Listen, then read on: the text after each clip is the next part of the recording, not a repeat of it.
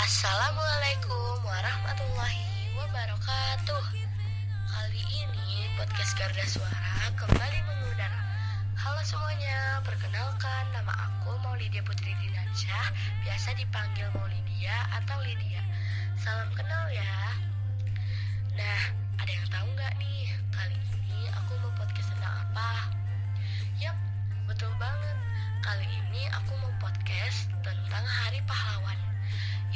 langsung aja kita mulai podcastnya.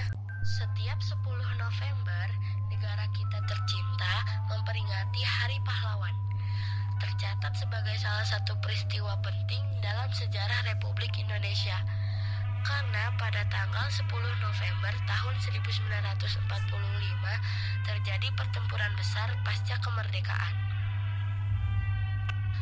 Lalu, peringatan Hari Pahlawan memiliki tujuan untuk mengenang dan menghormati perjuangan para pahlawan dan pejuang untuk membangun ingatan kolektif dan menggerakkan kesadaran masyarakat serta mengimplementasikan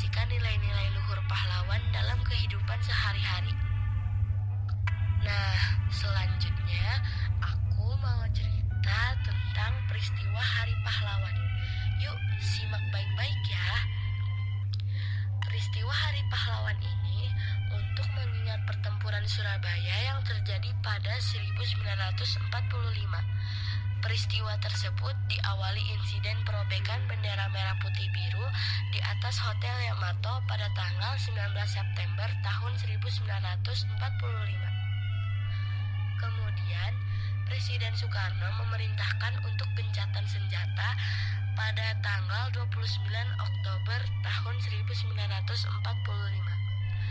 Pertempuran kembali pecah pada tanggal 30 Oktober tahun 1945.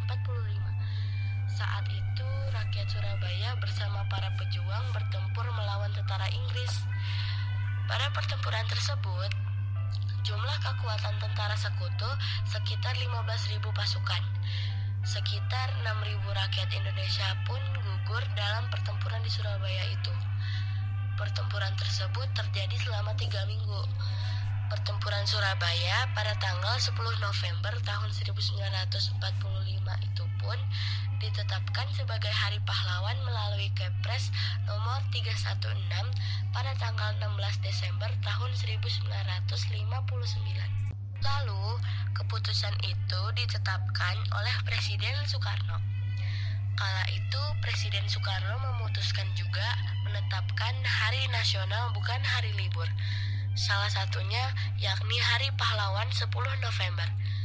Berdasarkan buku Bung Tomo, Hidup dan Mati Pengobar Semangat Tempur 10 November, karya Abdul Wahid, pertempuran itu dipicu dengan sejumlah hal. Peristiwa itu bermula setelah terjadinya kekalahan Jepang.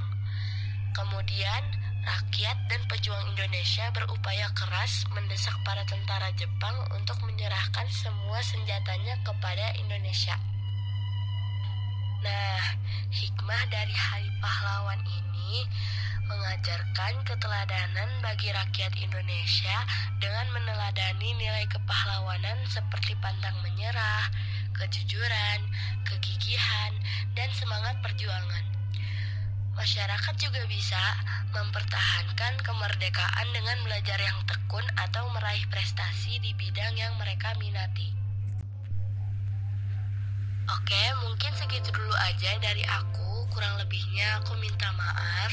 Sekian, terima kasih. Semoga penjelasan aku bisa bermanfaat ya bagi kalian semua. Dadah.